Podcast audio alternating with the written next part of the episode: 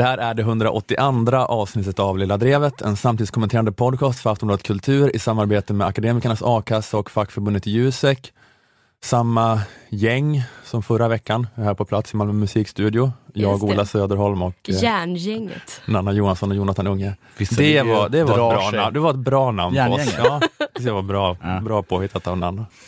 Eh, Det är, eh, ja, den här veckan ska vi prata, ska bland, bland annat prata om eh, Stefan Löfvens statsbesök i USA Mm. och lite andra eh, coola grejer eh, som Järngänget ska prata om. Eh, jag pratade förra veckan om att jag hade hört ett avsnitt av P1s konflikt som hette Medelklassrevolution, eh, som Mm. handlade om nya politiska rörelser och partier som vuxit fram vid eh, sidan om de traditionella partierna. Jag skulle säga att det var en väldigt bra prata, för att inte säga legendarisk. Vad är det för attityd? Vi har sparat den under fliken legendarisk. Har ni ett Excel-dokument hemma? Nej, men jag vet att du har det. Olas pratar. Lägsta betyget är bara bra, men sen finns det betyg som legendarisk, episk, klassisk. Så kan jag tänka mig att det är. Ehm, Var det klassiskt du använde? Det var inte legendarisk? Jag kan När vara du beskrev din egen prata. ja, den om uppmärksamhetsekonomin. Det, ja, men det- den var nog klassisk. Ja, det var nog klassisk. Det var den klassiska pratan. Okej. Det här specialprogrammet du kommer göra med dina klassiska prator, den växer sig bara större och större. 18 fruktansvärt klassiska timmar kommer det bli. Som en uh, sommarlovsspecial. Kommer du Som alla den lyssnare kan se fram emot. Och den här? Den här minns du säkert. Nej, men, ehm, Man kan inte stava Ola utan den här pratan. Men det var en himla kul prata. Ja, det vet jag nej, det, nej, det var det Jo, inte. jo, nej, nej, nej, Jo, nej. Det var väldigt Det- kul att det var så vagt. Ja, ja men det var, det var precis, det var lite kul. Företeelsen var kul. Ja. Mitt bidrag till det var kanske inte så kul. Superroligt. Ja, men skitsamma, jag tog inte upp det för att jag bara ville prata om hur klassisk den här pratan Såg var. att du gick med hoven. Men bara för att recapa lite då, för de som inte hör alla avsnitt av Lilla Drevet, så var det att jag, det var det P1 konfliktprogrammet som heter Medelklassrevolution och det handlade om nya politiska rörelser och partier som vuxit fram vid sidan av de traditionella partierna. Det var då till exempel Femstjärnerörelsen i Italien, Macron i Frankrike, Alternativet i Danmark. Och det handlar också om det nystartade svenska systerpartiet till Alternativet som heter Initiativet. Mm. Och jag, pratade, jag höll då på att prata om att det kändes lite vagt och luddigt vad som var initiativets ärende. Vi kan höra, höra på det här klippet med initiativets partiledare bara för att påminna oss. Jag ser ju lite en utmaning i att omsätta den typen av mjuka värden som att gå långsamt och öppna dörren till konkret politik. Vad tänker du om det? Ehm, då kanske sex timmars arbetsdag skulle ju vara en lösning eller friår eller andra saker som har varit uppe i den politiska debatten. Eller basinkomst som gör att man vågar satsa på sin person. Så att nog finns det politiska styrmedel som kan göra att vi kan, vi kan nå ett, ett samhälle där kan ha, som kan vara varmare. Är det politiska förslag? Det här är inte en av våra politiska förslag. Eh, det här var några saker som exempel på det. Eh, utan vi tar ju fram vår politik genom, genom workshops och, och online. Ja, men det, ja, det är bara, de har bara då formulerat att de är för några bra saker, som medkänsla och hållbarhet kanske. Men sen har de, de, inte, de har inte konkretiserat det som praktisk politik, utan det enda de konkretiserar är arbetsmetoden. Att de tar fram sina politiska förslag i workshop och politiska labb online, där alla medlemmar får skriva in sina förslag. Och jag menade då på att det kändes lite märkligt att starta ett parti utan att vara intresserad av att driva någon speciell konkret politik. Att formen för organiseringen är det viktiga, att vi har politiska labb. Det kommer före de eventuella frågorna man ska organi- organisera sig kring. Men jag fick då ett mejl från en lyssnare, eh, Jakob Sköte eh, heter han. Han, han. han var ingen medlem eller anhängare av initiativet, men han skrev lite om vad han trodde att initiativet försökte göra. Eh, Och det är då att de vill erbjuda något annat än vad de traditionella partierna erbjuder, som är en top-down hierarki. Alltså, vilket också är fallet med traditionell media och kultur. Att partiledningar utformar partiprogram som väljarna röstar för, SVT producerar TV som medborgarna tittar på, konstnärer skapar kultur för sin publik och så vidare. Att det är några få sändare och en stor passiv publik som bara tar emot. Och det är ingen interaktion mellan dem. Så såg det ju ut då i det gamla traditionella medielandskapet som var när vi var små. Eller hur? Och eh, det var då en massiv asymmetri mellan talare och lyssnare. Det fanns en talare som talade och den fanns det en av. Och så fanns det lyssnare som bara lyssnade och de fanns det flera miljoner av. Så var det när Jarl Alfredius satt och bara talade till oss i Rapport. Aktuellt. Aktuellt. Eh, ja, det är bra. det var faktiskt bra rättning. Mm. Jag uppskattar den. Men, um, Råttsvansögon hade han. hade han det? Ja. Enligt Norén. Fan, har Norén stört sig på Jarl Alfredius Ja. också i sin dagbok? Ja. Det är ändå imponerande hur stingslig han sitter och är i den där dagboken. Vad Alltså, sa du att han beskrev det som? Han hade råttsvansögon, det var råttsvansar i ögonen på honom. Så. Va? Mamma var en åsiktsskitande kanadagås. Men det är väl så i personregistret i Lars Noréns dagbok är väl så här mm, mm, mm, äckla mig. Ja. Och så kan du insert vilken med eller kulturpersonlighet som helst. Så här, Jens Liljestrand äcklar mig. Leif GW Persson äcklar mig. Alltså, den meningen finns i den dagboken. Men det är imponerande med Jarl Alfredius, som man tänker att en sån nyhetsuppläsare, vad finns det att störa sig på? Det är Det är bara en-. Det var liksom en, en farbror som läser från teleprompter. Lars Norén sitter och kokar där men, ehm, ja, men så var det då, då med det här, äh, den asymmetrin. Eh, Men i dagens medie och kulturlandskap ser det inte ut så då, utan nu är antalet som kan tala alla. Eh, Även om då inte alla har en lika stor publik, men eh, det här monopolet på meningsskapande som förr liksom var, fanns hos några få mediekanaler och institutioner finns inte kvar, utan nu är det istället så att Eh, alla deltar i att eh, då skapa vår kultur. Internet och sociala medier och memes och bla bla bla. Och sånt. Så varför behövs då ett sånt parti om det redan Ja, precis. Det är ju... funkar så? Eller? Ja, exakt. Det, det kan ju vara en invändning mot det här att det, är ju, att det här är något som ska ske organiskt snarare då. Så att det är ju lite motsägelse då kanske att starta ett parti som ska göra det här organiska. Men det mejlskrivaren pekar på är eh, att alt-right-rörelsen i USA, liksom initiativet, är väldigt luddig och otydlig. Men det funkar. Ja, det funkar på något vis. Alltså att, eh, och det, det, är liksom, det finns det är inget tydligt politiskt program liksom, som kallas alt-right, men man fattar ändå vad alt-right är intuitivt på något vis. Vilket är lite konstigt att man gör det, för det är så himla odistinkt. Mm. Men jag vet ändå vad det är. Jag kan inte beskriva det, men jag vet vad det är. Jag vet inte vad det är. Som skillnaden på porr och erotik eller någonting. Men du Jag vet skillnaden. jag vet att det där är porr när jag ser det. Jag kan inte så förklara det liksom för någon som så här, Nej. ska låtsas ha Asperger. Och Nej. så här, men Men när, när Tyra Banks säger att eh, någon är hoochie och någon annan är sexy, ja, så kan du kan inte sätta ord på det, men du ser också direkt vem som är hoochie. precis. Och när en snubbe är alt-right, Ja, då känner man det. Då vet man det. Eh, nej men det är väldigt så här, många sinsemellan väldigt olika saker som är lika mycket alt-right. Att det är alt-right med flamboyanta böglibertarianer. Det är alt-right med socialkonservativa kristna gubbar. Det är alt-right med Ku Klux Klan. Alltså det kanske är alt-right med en kille som är jätteintresserad av artificiell intelligens. Eller kanske inte, kanske inte jag vet inte. Ja, kanske. kanske. Det är alt-right med den här Jordan Peterson, Mm. att vara en sån där äh, självhjälpsguru som förklarar hur man signalerar att man har störst kuk i flocken. Eller, jag, jag vet inte så mycket om Jordan Peterson. Eh, jag har inte så att min idé. Och, och jag menar heller inte då att hävda att han har något att göra med Ku Klux Klan alls. Men det, utan det är mer då bara för att illustrera den här poängen, att det är mycket som inte har något med varandra att göra, som ingår i alt-right. Och anledningen till alt-right-rörelsens luddighet och otydlighet är då att den är helt och hållet skapad av dess deltagare, utan den här top-down-hierarkin. Den är inte initierad från toppen. Och en hypotes då är att det här initiativet, det de försöker göra är att skapa något liknande, fast då med lite vagt progressiva vänsterliberala ideal istället. Mm, en progressiv alt-right. Ja, därav fokuset på labbet snarare än exakt på vad som ska komma ut ur labbet. Att det ska då att gå att skapa något som på något vis känns som en distinkt rörelse, trots att det är så himla spretigt och luddigt när någon ska förklara vad det är. Alternativt i Danmark brukar tydligen benämnas som alt-left. Mm. Och den här mejlskrivaren Jakob, han hänvisar till en amerikansk snubbe som heter Jordan Greenhall. Jag har inte riktigt förstått vad hans titel är. Jag tror han är någon slags framtidstänkare, filosof. Eh, jag vet inte. Men eh, förra året, strax efter Trumps valseger, skrev han en väldigt viral text. En text som blev jätteviral, som var en analys av alt-right-framväxten. Och eh, Jordan Greenhall skriver då utifrån sin amerikanska kontext om the blue church och the red religion. Att det finns en blå kyrka och en röd religion. Och då är det här att det är tvärtom med färgerna i USA. Alltså jämfört med vad vi intuitivt tycker att det borde vara som europeer.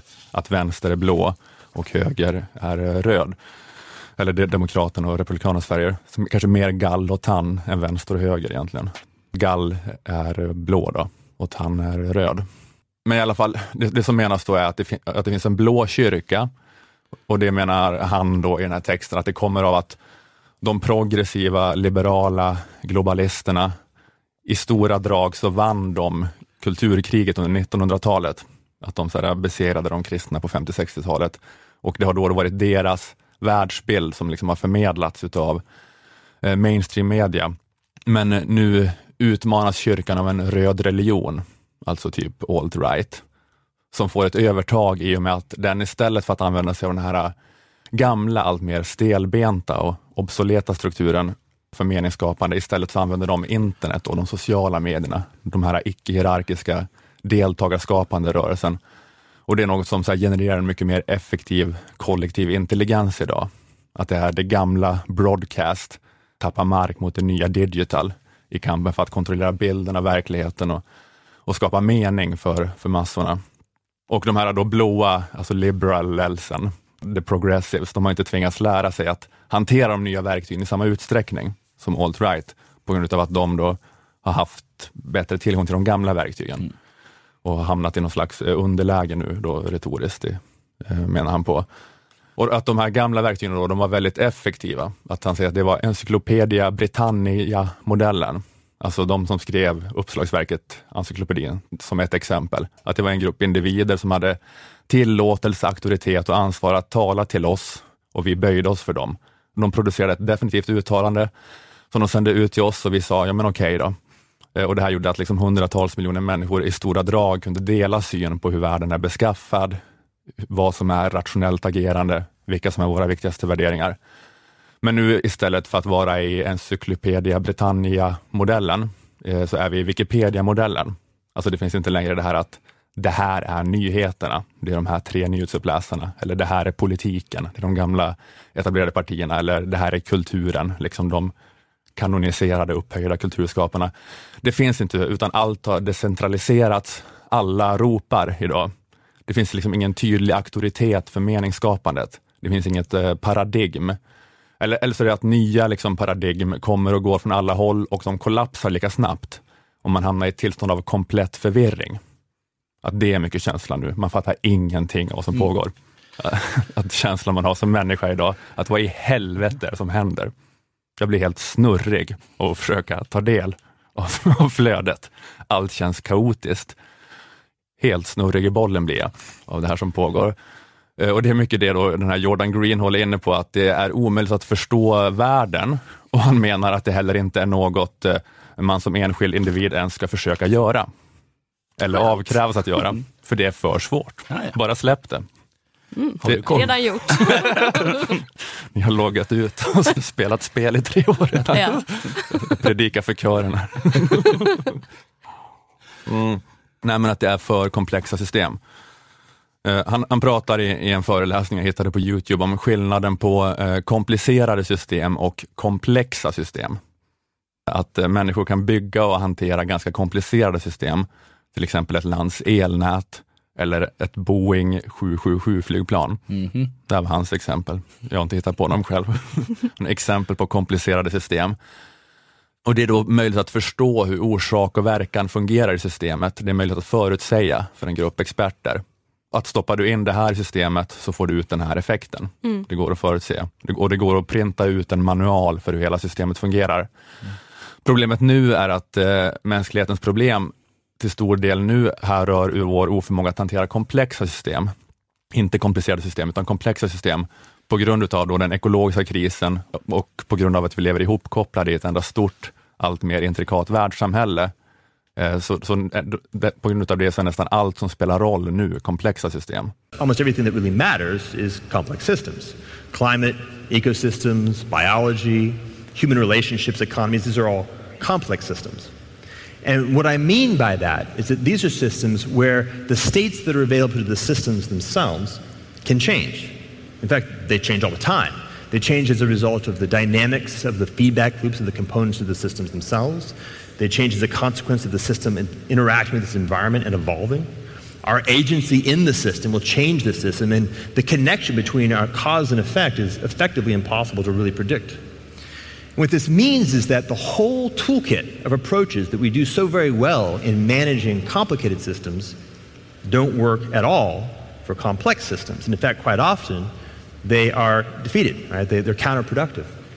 Eh, det var lite svårt att hänga med i, men, eh, men att eh, klimatet, ekosystemet, biologin, mänskliga relationer och ekonomin, det är komplexa system alltihopa. Och det betyder att det räcker inte med att förstå egenskaperna hos de enskilda delarna i ett komplext system för att förstå hela systemets egenskaper. Alltså så, så som det kanske är med en flygplansmotor. Utan det komplexa system har den här totaliteten av kvaliteter som inte existerar hos delarna. Delarna i systemet påverkar inte bara helheten, utan helheten påverkar delarna. Olika system påverkar varandra och så vidare i olika feedback-loopar som inte går att förutspå. Vårt agerande påverkar systemen på ett sätt som är i princip omöjligt att förutspå. Alltså det finns inget så här linjärt orsak och verkansamband. Ja, men alltså, att- alltså, ja, men typ som att det går att förstå och förutspå på så vis att, att om vi använder det här bekämpningsmedlet växer den här potatisen bättre. Men det går inte att förutspå att det här lössläppandet av bekämpningsmedlet i ekosystemet genom massa feedback-loopar, att det kanske leder fram till att en säl tusen mil bort blir infertil eller någonting. Att, eh, ja. ja, men ni fattar. Det, det är för svårt. det är alltid för svårt. Eh, Och problemet nu menar han är att vi försöker hantera komplexa system som om de var komplicerade system. Och det är ett recept på misslyckande. Men det finns ett annat recept som är lyckat. Ja, det, ja precis, vi ska komma till det. Eh, och det här gäller då inte bara ekologin som sagt, utan också politiken och medielandskapet och hela liksom, den mänskliga sociala organiseringen i, i världssamhället. Ja, men, och vad skulle då vara ett bättre sätt att hantera mänsklig social organisering som det här komplexa fenomenet som det är? Eh, jo, det, det är då något som Jordan Greenhall kallar kollektiv intelligens. Och han menar då att det finns exempel på kollektiv intelligens som eh, funkar bra, men i väldigt liten skala. Han pratar lite- till exempel om startup-företag i, i techindustrin i Silicon Valley som ett exempel. And this is why startup companies are so much more effective at navigating innovation space, which is complex, than large, much better resourced corporations that are actually operating in a state of complication. De här små ohierarkiska startup-företagen är mycket mer anpassningsbara till den oförutsägbara komplexa miljön som innovationsklimatet i Silicon Valley är. De är mer anpassningsbara till det än vad de här stora företagen är. Och vad är då grejen med då ett sånt här startup-företag jämfört med en hierarkisk organis- organisation? Vad är anledningen till det? Hur skapas den här kollektiva intelligensen som är så överlägsen? Eh, vi ska lyssna på det här. Vi ska lyssna på det här som jag egentligen inte förväntar mig att ni ska fatta vad han säger. Right, these are environments where groups of people organize to try to solve a problem. They're deeply in alignment with each other. They recognize that the success of the whole is deeply tied to the increasing capacity to act, the increasing sovereignty of each member. And when decisions need to be made, they're organically routed to the right people or groups of people. When conflict arises, it has to actually be resolved. It can't be adjudicated. It has to be resolved. It has to be healed, or new capacities have to be built to make it no longer relevant.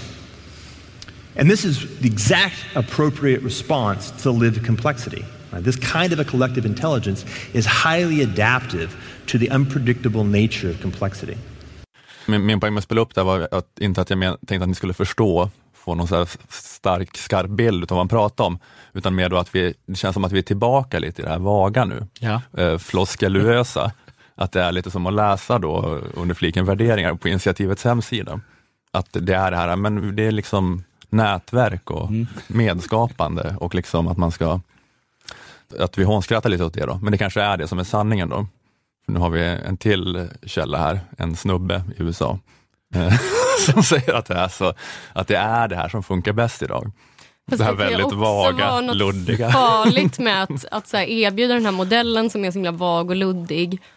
Och då, det kommer liksom appellera till vaga och luddiga människor som sitter där och är vaga och luddiga tillsammans. Alltså det de skulle behöva är kanske så här, jag vet inte. Mm. Alltså, kommer de, de för personer barn. de skulle behöva är kanske inte de som kommer söka sig dit. Du menar att de behöver Putin?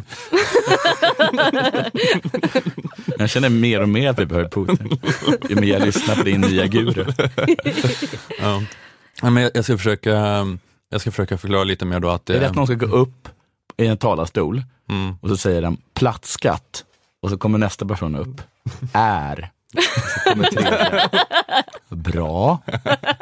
Fjärde. Men. Det blir som en sån här Just sagoberättelse, sagolek. mm, ja kanske, kanske. Det, Lite luddigt. Det är lite luddigt. Det är lite luddigt ja. Ja. precis. Speciellt om... Vi har ju de stora politiska ideologierna, vi har socialismen, liberalismen. Och sen har vi Sagoleken. sagoleken. Lagar stiftas på sagolek. Jag vill alltid, jag vill alltid vara den som säger är. Jag säger punkt, så Oj. kommer man undan. Säga något. Men du har ju satt punkt för någonting då. Ja, men då får ju nästa person starta upp, tröska upp en ny mening. Liksom. Aha, fast. Frågetecken kanske. Just det. En. Bra grej för att liksom föra diskussionen vidare. Det är mycket det det handlar om också, att ställa, bra Ställa, frågor. ställa rätt frågor. Alltså, ja, men jag tror, alltså det det handlar om, alltså, jag tror det han far efter är, är att det inte ska finnas någon hierarki. Alltså, på så vis att det, ska inte finnas något, något härskarnarrativ som kommer uppifrån, som är ett partiprogram Nej. eller gammeldags broadcast media eller ett storföretag som försöker skapa en manual för hur man är framgångsrik. För det är då omöjliga, fåfänga försök att lösa problem i det komplexa samhället. Alltså ingen ska berätta Socialdemokraternas historia, utan alla ska berätta sin egen autentiska historia. What we want, what we need, is your authentic experience. As a member of this human sensor network, we need you to tell your stories, right? Your actual lived first person experience of being in the world and provide your perspective. Because if we have this giant omniperspective sphere looking at reality, that's how we understand what reality really is. But the second you're actually telling somebody else's story, the second you're pre processing your experience through some other lens, that's how we get into echo chambers. And that's how we fall into a collective delusion. Nej. Men är det inte bara så att vi hittar på en, en, ett narrativ eller en saga eller, eller någonting och så kör vi den så länge det funkar. Sen, åk, sen dundrar den in, i väggen och sen hittar vi på en ny. Men nu skulle det bara finnas ingen. Men, Eller tus, alltså ja, men, ja, det, ja, det är ju det här att de här narrativen är så o, mer och mer oanvändbara i komplexa samhället och de dundrar in i väggen direkt och de liksom faller ihop direkt. Att, Men alltså att, att, rent, rent konkret, att liksom alla ska bidra med sin erfarenhet. Alltså det känns ju redan som att det är en sån överproduktion av information. Mm. Alltså vem ska fånga upp allt det här? ingen. Ingen. Ingen. Nej, men varför då? Då kan man lika gärna bara sitta och prata till spegeln. Ja, men jag tror det är inte ett spel, man ska prata med varandra. Ja, men- Man ska träffas och Skicka snacka. mail. Ja, men det, men det, Har du ingen mail? Men jag tror det är just det som du säger Jonathan, att, att det där med att vi hittar på ett narrativ, en historia och kör på den, sen springer den i väggen. Men att nu, och de kan vara hyfsat använd, användbara, de har ju alltid då liksom luckor i sig och liksom förklarar inte verkligheten så, så komplex som den är. Men nu är liksom skillnaden mellan de här narrativen vi kan komma på och den komplexa verkligheten så stor så att narrativen är helt hopplösa. Liksom. Till De, de lärare? går inte att använda ett dugg Nej. det- kanske så här, socialdemokratins narrativ kanske gick att använda i 50-60 år i givna förutsättningar i Sverige, men nu kan ingen liksom gärna tänka ut ett sådant narrativ. Nej, men så det som liksom eh, menas är ty- typ då att, eh, att ingen människa kan förstå vad som pågår, eller ingen människa eller ingen grupp med människor kan förstå vad som pågår. Ingen, ingen kan skapa ett partiprogram eller en manual som är ett bra verktyg för att förstå hur hela samhället fungerar. Men då om alla människor har öppna ögon och agerar och reagerar på ett icke-korrumperat sätt på sin, mot, gentemot sin omgivning, skapar icke-hierarkiska nätverk med varandra, där allas upplevelse av världen ligger till grund för nätverkets handlande, då skapas, då frammanas en kollektiv intelligens som är bättre på att hantera det komplexa samhället. Och det känns lite som att han nästan menar någon slags bisvärmsintelligens. här hive mind. Ja, att det finns ingen styrande centralhjärna. Inget särskilt, alltså inget enskilt bi förstår vad fan som pågår. Men deras gemensamma beteende skapar en svärmintelligens som genererar då en exemplarisk rationalitet. Och för att föra tillbaka det då till där vi började, så, så då har då liksom internetpolitiska rörelserna, som då alt-right till exempel, mer kanske av den här då svärmintelligenskvaliteten än vad traditionella politiska partier och traditionella medier har. För de jobbar med styrande centralhjärnor eh, som blir allt mer oförmögna att agera i det komplexa samhället. Men den här icke-hierarkiska deltagarskapade rörelsen kan bara reagera på det som händer utan att vänta på order uppifrån, från centralhjärnan, order som förmodligen också är felaktiga. Förmodligen kanske är gårdagens svar på dagens frågor.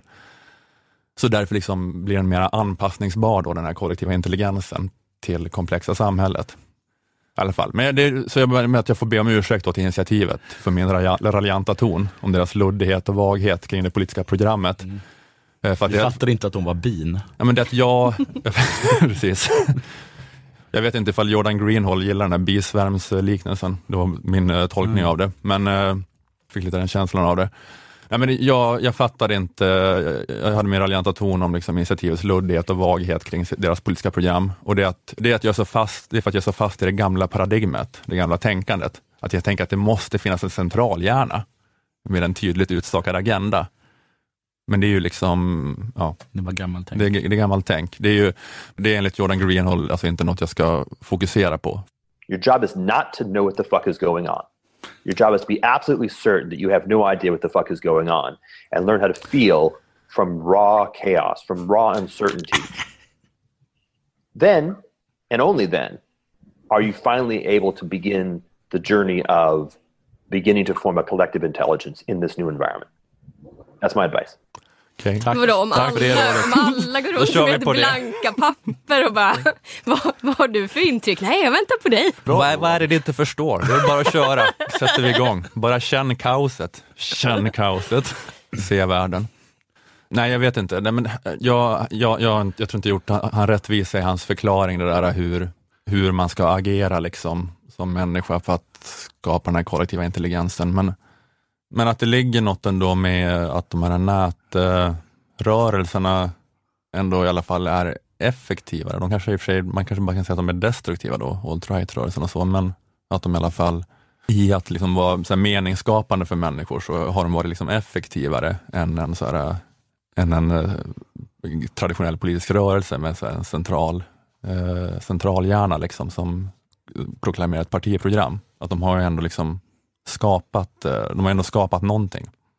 Det är som att den störiga killen på filosofilektionerna nu har rätt. Fast istället för att vara så här liksom nihilistisk eller liksom eh, ställa sig upp och bara skrika, men fattar ni inte att allting bara är en chimär? Vi kan, inte, vi kan ju inte förstå något. Vad sitter den här och läser Kant för? Och så sto- stormar den ut. Var För att det den du? Nej, det var den personen har rätt. Men också, fast istället för att vara så här lite kasta skit i ansiktet på någon och bara, och bara stormar ut, det var lite liksom farlig på något sätt. Så är det, så är det liksom som en, eh, en liksom nyreligiös entreprenör som står och säger det. Mm. Det kanske bara är liksom den här psykiska sjukdomen amerikan som gör att man kan inte inte vara nyfrälst religiös entreprenör, även om eh, man har liksom gjort så pessimistiska slutsatser som han har gjort, så måste det ändå liksom komma en ny religion Men det är ur ju på något sätt. pessimistisk och jätte och jättereligiös Jag tycker också, att eller det är optimistiskt. Ja, den är superoptimistisk. Ja, jo, jag men- menar, men, Ja. jag men- men- menar alltså, det är väldigt pessimistiskt, den här, ins, alltså den här insikt, Insikten insikten, är- ja, precis. om vår liksom handfallenhet inför komplexa samhället och hur hopplöst det är för oss att tackla det. Det är ju en väldigt eh, pessimistisk insikt, eller vad man ska säga. Ja. Men då liksom tror vi ändå på den här, ja, att eh, det, vi fattar ingenting och det är det som är så bra. För då kommer vi bara agera bra. intuitivt liksom på mikro, mikronivå, eller inte in, jag vet inte, jag vet inte hur han förklarar det, men vi kommer liksom agera då och skapa nätverk och det liksom kommer, vi kommer, det kommer frammanas en kollektiv intelligens som ingen av oss som enskild har någon överblick över, men som kommer vara perfekt rationell.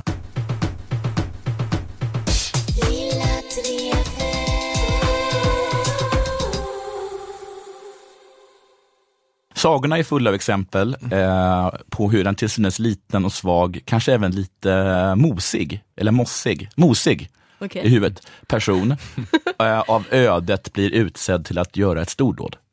Mm, Eh, bli en hjälte, vara den som bär ett folk, ett land, en kontinents framtid på sina veka axlar.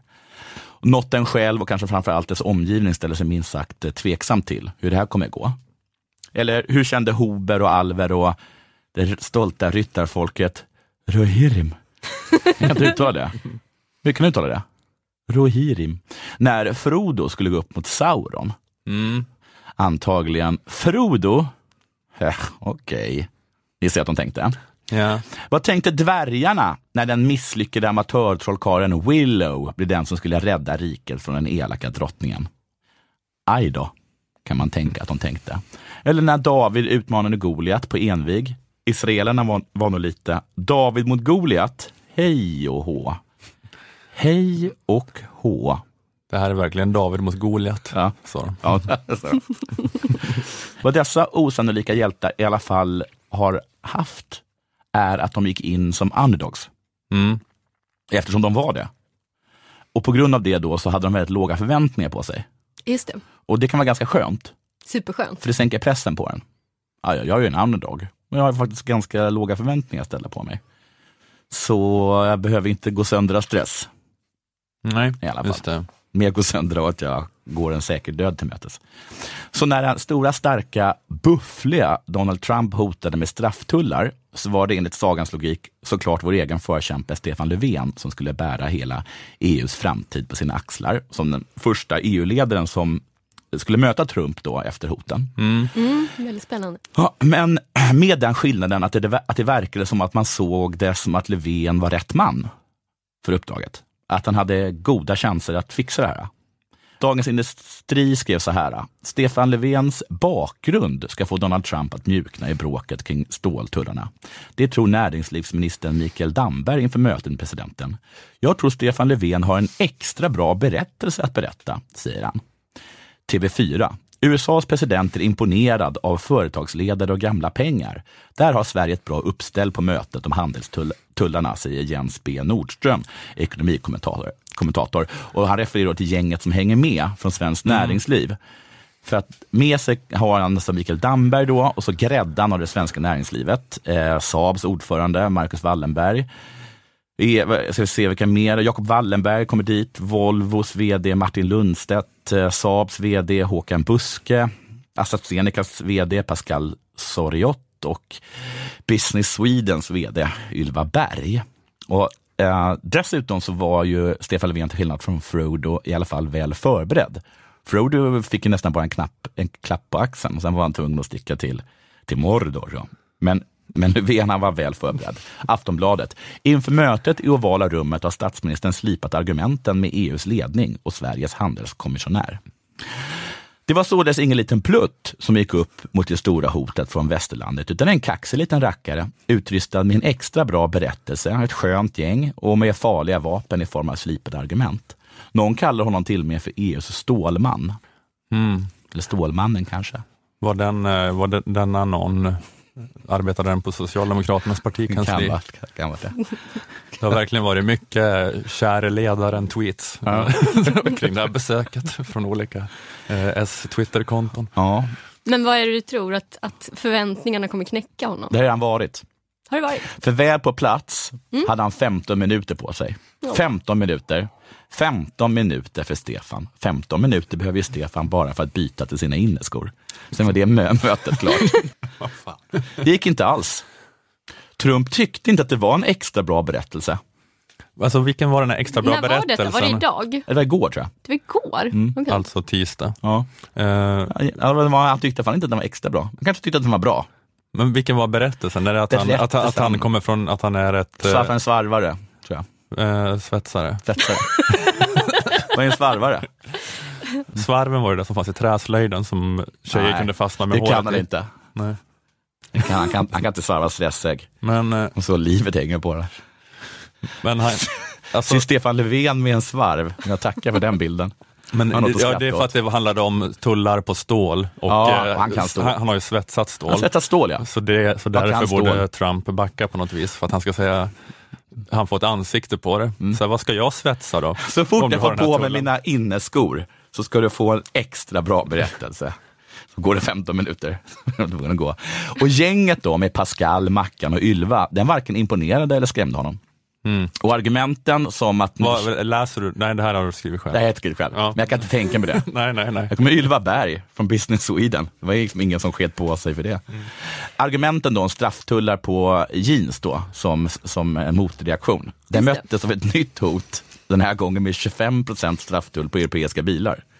Det var ingen som hade sagt det. Ja, jag hade ju inget argument mot det. Blev det helt tyst. Han tog om sin extra bra berättelse. I ren panik. Ja, men för det är så här, vad blir Trump imponerad av? För det är dels så att vi tar med de rikaste människorna i Sverige Ja. Mm. och visar upp dem för Trump. Då kommer han få dåndimpen. Men sen tror jag också att han skulle imponera av berättelsen av att någon är ett fosterbarn som är svetsare. Ja. Eh, Så att det är som att man har helgarderat. Så, Så, vad får Trump att smälta här? Your Är parents didn't like you. Eller i alla fall. I sagotermer så blev det i alla fall knas med ringen. Han råkade ge den till ors. Mm. Får jag kolla, sa orchen. Och Löfven, visst, ska bara hålla lite i den. Okej. Ska bara visa den för min kompis i min bil. Mm. Borta då sen. Han trollar fel och tappar bebisen i en brunn. Slungan trasslade in sig när han fick stenen i huvudet. Och nu blir han hånad då, det tycker jag är så elakt. Din äh, älskling eh, Thomas Ramberg till exempel säger att han var misslyckad. Mhm. Ska han säga, som trodde att Göran Persson skulle bli utrikesminister. Det har jag inte glömt, Thomas Nej. Ramberg. Ditt jävla stolpskott. Nej, Jag kommer aldrig glömma det. Nej. Apropå stenen, varför tog de bort hans bästa vapen? Förmågan att se näpen ut i hårdhatt. Mm, Där har han haft någonting. just det. Ste stiger in någonting så jävla sött. En hårdhatt och en sån där äh, väst som man kan se på långt håll. Det skulle vara så här på presskonferensen, Trump har inte backat från strafftullarna, Nej. men han har adopterat Stefan. Stefan ska bo på hans ranch. Tultar upp i sin hjälm. Vi har en ny hovnarr. och han är det gulligaste ni har sett. Vi använder Marcus Wallenberg som äh, äh, Fotboll. eventuellt dörrstopp. Vi har inte bestämt oss. Och sen ska ni få höra en sju helvetes jävla berättelse. Jag tycker det var så ta- taskigt att utmåla, Ste- äh, att utmåla Stefan Löfven som någon som skulle fixa det här. Han gjorde nog så gott han kunde. Det är som att man eh, är för så här skadad av Hollywood-narrativet, så man tror att det automatiskt ska bli så. Ja. Om vi bara Ja. peggar upp för det här så kommer Stefan, han kommer rise to the occasion. Jag hade tänkt att skicka Merkel och så var det någon som sa, har ni inte sett Sagan om ringen? Är inte Gandalf. Vem ser mest ut som en hob? Så bildgooglade han hob. Vem kommer fram om inte det sötaste man sett i en hard hat?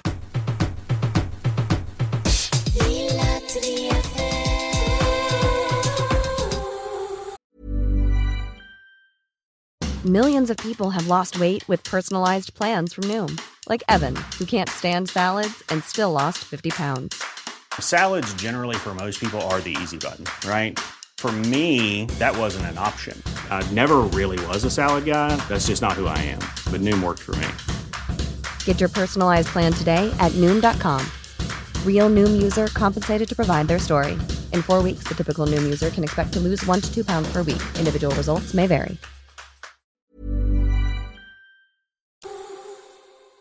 Jag hade verkligen skitsvårt att hitta ett bra ämne den här veckan. Ja, det var tufft. Eh, jag kollade på Agenda, men det enda jag fick ut var vetskapen om att Carl Bildt säger Mellersta Östern istället för Mellanöstern. Eh, här skulle det varit en ill, kan som vi brukar kalla det. Men eh, Jonathan har inte betalat interneträkningen, så att det är indraget. Internet är en säsong. eh, Säsongsvara. Ja, Att det finns liksom... Eh, finns på hösten. Nu är det vår. Finns det extra bra internet och avokado. Vad brukar du passa på Mm. att köpa?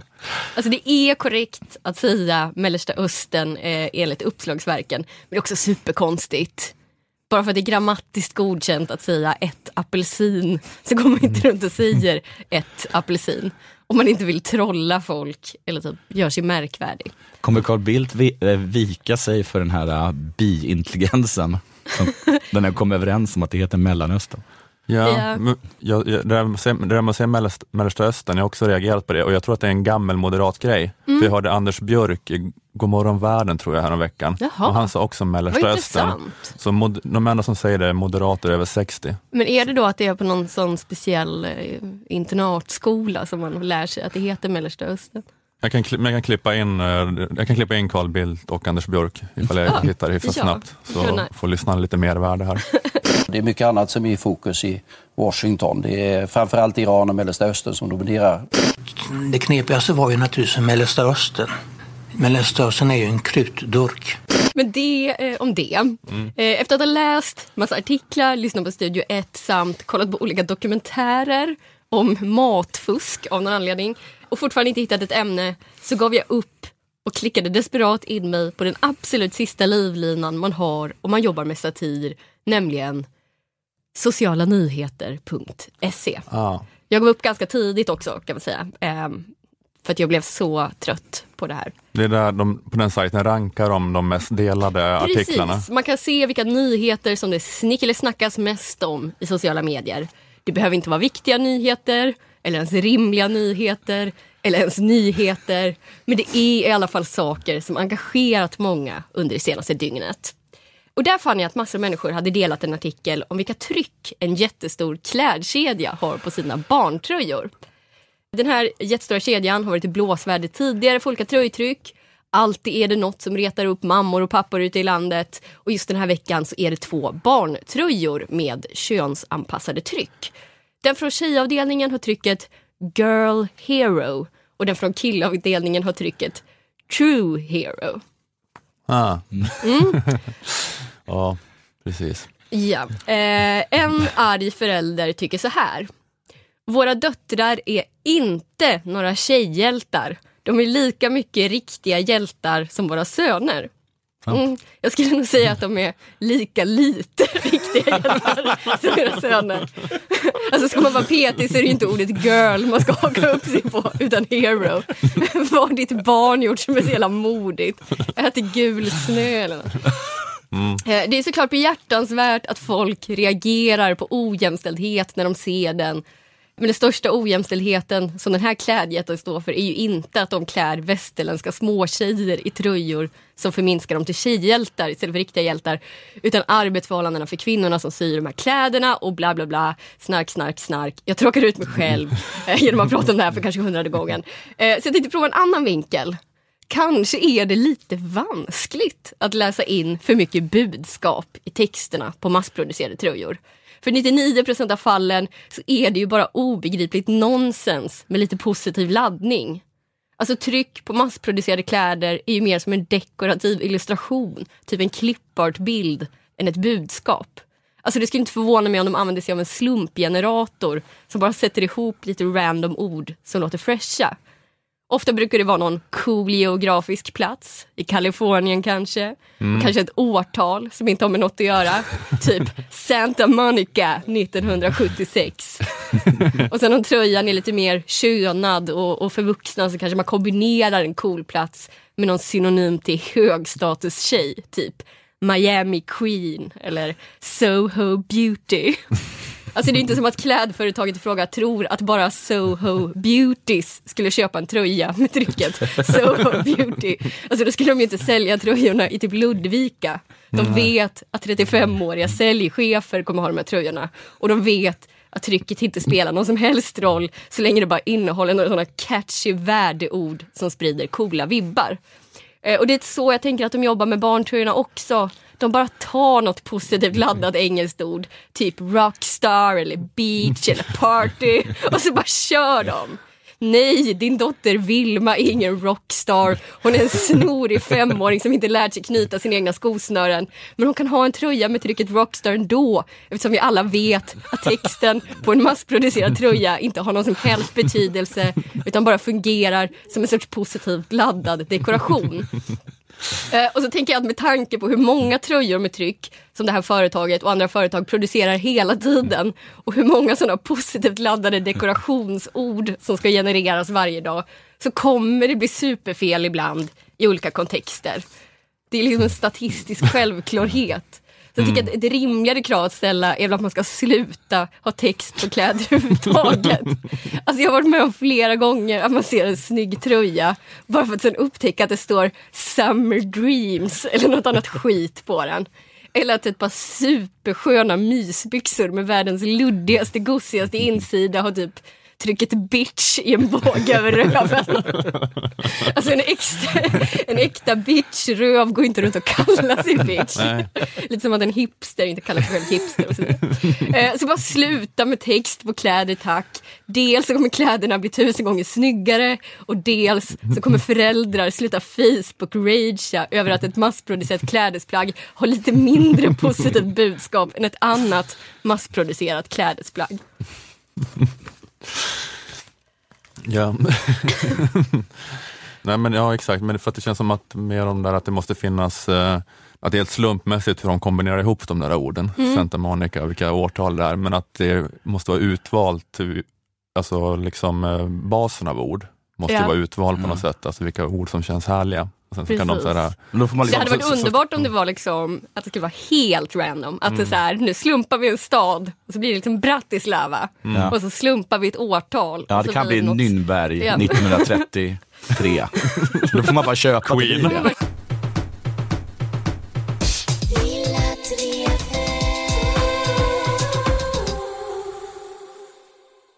Upplev oändlig trygghet, fast mark under fötterna och hemkomst i kosmos genom att gå med i a-kassan och facket. Lilla Drevet sponsras av Akademikernas a-kassa, a-kassan för alla akademiker hela arbetslivet. Det är ju praktiskt på så vis med Akademikernas a-kassa att du aldrig behöver byta a-kassa oavsett om du byter bransch. Eh, Även om du arbetar på Donken eller som influencer så, så dina högskolepoäng kan ju ingen ta ifrån dig, eller hur? Och att, eh, att vara med kostar endast 110 kronor i månaden och ger dig upp till 20 000 kronor i månaden när du befinner dig mellan jobb. Läs mer och gå med på akademikernas.se. Många akademiker till exempel som arbetar i branscher som organiseras av fackförbundet Jusek tjänar betydligt mer än a-kassetaket och kan därför behöva en inkomstförsäkring med lite mera tryck i. Är du med i Jusek så får du 80% av lönen upp till 80 000 kronor. Jusek är för dig som arbetar som jurist, ekonom, systemvetare, personalvetare, kommunikatör eller samhällsvetare. Och förutom inkomstförsäkringen så guidar och stöttar facket dig i arbetslivet med till exempel lönerådgivning, karriärrådgivning, seminarier, hjälp med CV och LinkedIn-profiler. Att vara med i Akademikernas och Jusek kostar 361 kronor sammanlagt. Är du redan medlem i Akademikerna så lägger du alltså bara till 251 kronor för att också få vara med i facket. Och just nu har Jusek kampanjen Vi vet. Gå in på kampanjsidan jusek.se vi vet så finns det där ett erbjudande som gör att det är extra förmånligt att bli medlem just nu. Tar du steget och går med i a-kassan och snedstreck eller facket tack vare den här podden kan du gärna meddela Akademikernas och Jusek det. Du kan också skriva om det i sociala medier under hashtag lilla drevet. Tackar! Tack så mycket. Tackar, vad snällt.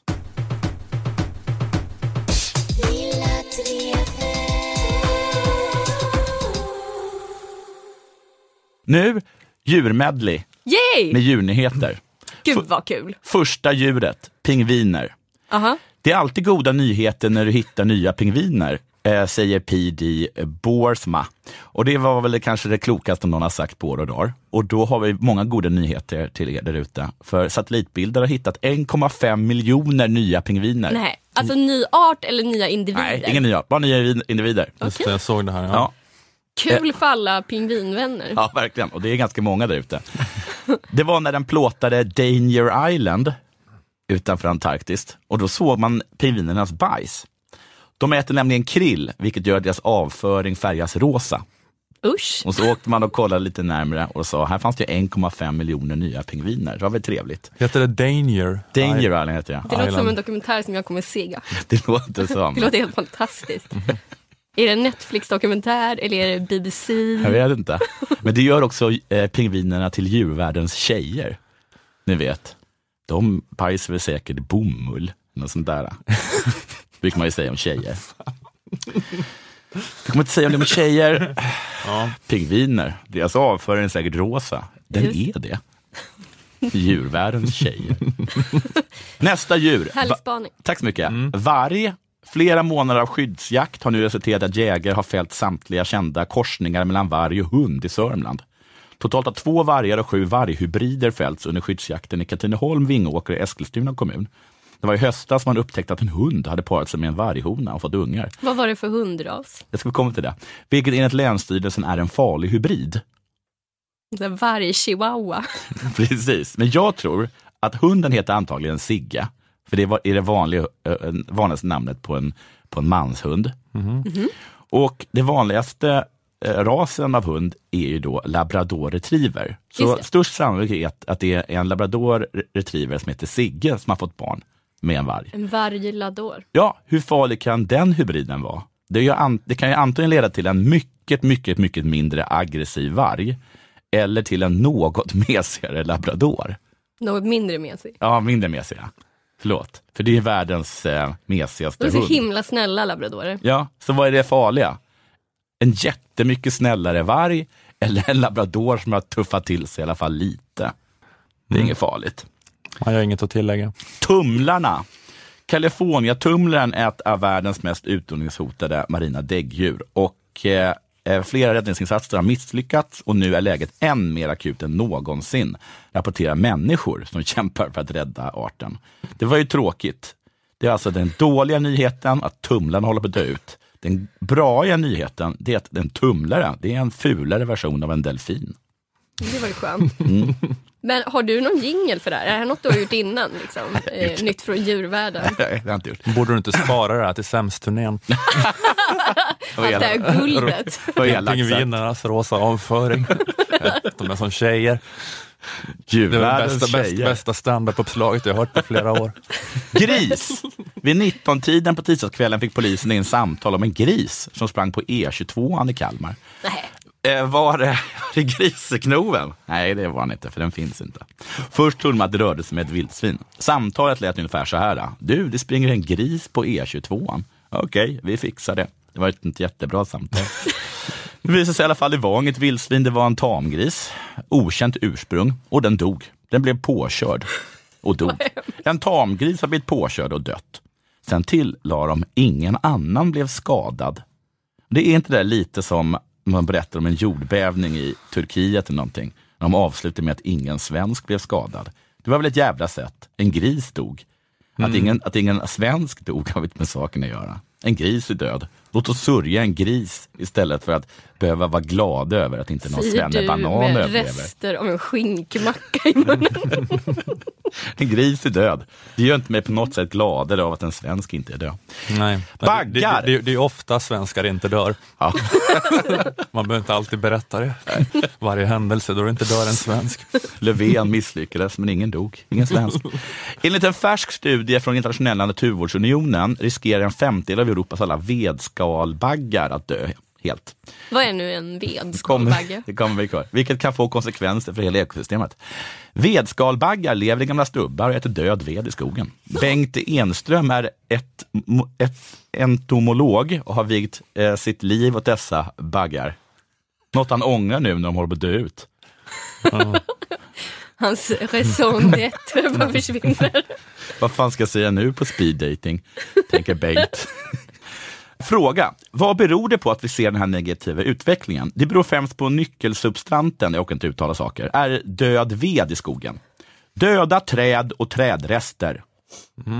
Men grejen är att de lämnas inte kvar nu tydligen. Okej. Vad är problemet med att de här skalbaggarna försvinner? Varför behövs de? Säger hon då, frågar de Bengt. Många av de här djuren är nedbrytade av gammal död ved, säger Bengt. Men vad är problemet då? Det finns ju ingen död ved. Nej, nej. Schackmatte Bengt. Där fick du så du teg, Bengt. Du har vi- vilket ett liv åt ett djur som inte behövs. Det finns ingen död ved åt de som äter död ved. Vad ska vi göra? Ja. Den här praten var på din bekostnad, Bengt. Skönt att någon äntligen plockar ner den där Bengt från sin pedestal. Han har haft så himla hög status. Ytterligare en smilfink som fick truten till knäppt. En annat samtal om grisen kan ha varit så här. Du, det springer en gris på E22. Äh, menar du inte vildsvin? Jag vet väl hur en jävla gris ser ut. Slut på samtal. Jag trodde verkligen med det upplägget, det springer en gris, så trodde jag att du skulle typ insert kändis. Jag tror också det. Man har, har Persbrandt supit till igen. Något sånt där. Nej, nej. Nej. Men ja, Vadå? vadå? jag vet väl hur en jävla gris, jag fattar, var det ett skämt? Ja, det var det väl. Alla skämt är inte så här ha ha ha. Vissa skämt bara, man tänker efter lite. Ännu en gång har den smarta humorn misslyckats. Vad menar han? Det, inte, det finns ingen mening i skämtet. Nej, nej, okej, Men den att kollektiva här... getinghjärnan tyckte det var fantastiskt skoj. Men jag älskar att du kompenserar den här pratan med underbar energi. Mm. 10 av 10 på energin. Förlåt att jag stör, men det springer en gris på E22. Menar du inte ett vildsvin? Jag vet hur en jävla gris ser ut. Ja. Det har rytmen av ett skämt. Ja. Om, om, man, om man bara inte tänker efter för mycket så, fatt, så, så, kan, så kan det få passera som ett skämt. Man gör den här då. Hör du? Ja, precis. Man kan göra, göra den här. Du, din, är det polisen? Ja. Din farmor är ute och springer på E22. Vänta, nej, nej. Vet du hur min farmor ser ut? Ja, men han vet väl hur en jävla tamgris ser ut i fejan.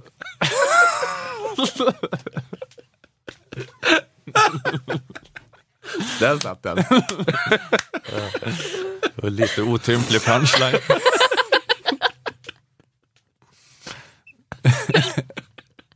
Är det polis? Men det, är så, det, det är att du försöker bygga om det här, äh, du är så himla lik din mamma skämtet. Är det? Men det är också det roligaste Det är skämtet. det bästa skämtet. Kan du inte dra det igen? Ja. Ja, Jag, var, jag åkte ju eh, buss hit istället för det fanns inga taxibilar. Mm. Jag tog bussen, Ja. satte mig då på, på, ett, eh, på ett säte och satt en annan person bredvid. Då. Bara tittade han på mig jätteintensivt. Jag bara, jag bara vände mig, vad är det? Han bara, förlåt men du bara så fruktansvärt lik din farmor. Jag bara, jag hade sett den människan förut. Hur, vet du hur min farmor ser ut? Och han bara, vet du hur en gammal kärring ser ut? Så jävla bra. Och det, det var fast gris då. Han bara, du, fan såg inte jag din farmor springa omkring på E22 utanför Kalmar? Vet du hur min farmor ser ut? Man vet väl hur en tamgris ser ut i fejan då, som jag sa tidigare.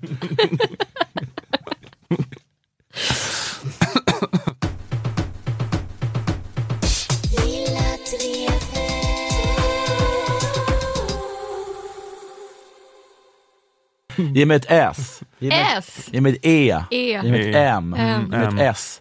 S. Ge mig ett T va? T. Ge mig en punkt och sen ett S och ett E. Vad har ni då? Det är sämst.se. Där går ni in och så handlar ni biljetter till Sämst-turnén. Wow! Wow! wow! Massa olika ställen kommer vara på. Tycker du om kul, då tycker du om sämst. Tycker du om roligt, då gillar du sämst. Tycker du om bra, då gillar du sämst. Mm. Och det kommer vara superduper kul och allt kommer vara jätte, jättebra. Kanske ett djurmedley. Kanske ett djurmedley. Vågar man hoppas på så mycket? Nej, du är faktiskt noga. Mm. Jag har fått skit för att jag är dålig på att göra reklam, men det där Det tror där jag var väl inte en någon, jävla hejaramsa. någon kan klaga på. Det ska bli jädrigt kul och hoppas att ni kommer. Jag ska försöka komma. Mm. I Malmö kanske. Mest, eh, När är lämpligt. Malmö? Vet inte. Okej. Gå in på semos.se, där står allting. Okej, ja men eh, eh, det, var, det var kul att göra ett till avsnitt av Lilla Drevet tyckte jag. Mycket kul. Tack ska ni ha. Eh, och eh, vi säger tack till Akademikernas A-kassa, Fackförbundet Jusek, Aftonbladet Kultur och tack till Malmö musikstudio där vi spelade in. Vi hörs igen om en vecka. Hej hej! Hej hej! Hej hej! Har min bror svarat?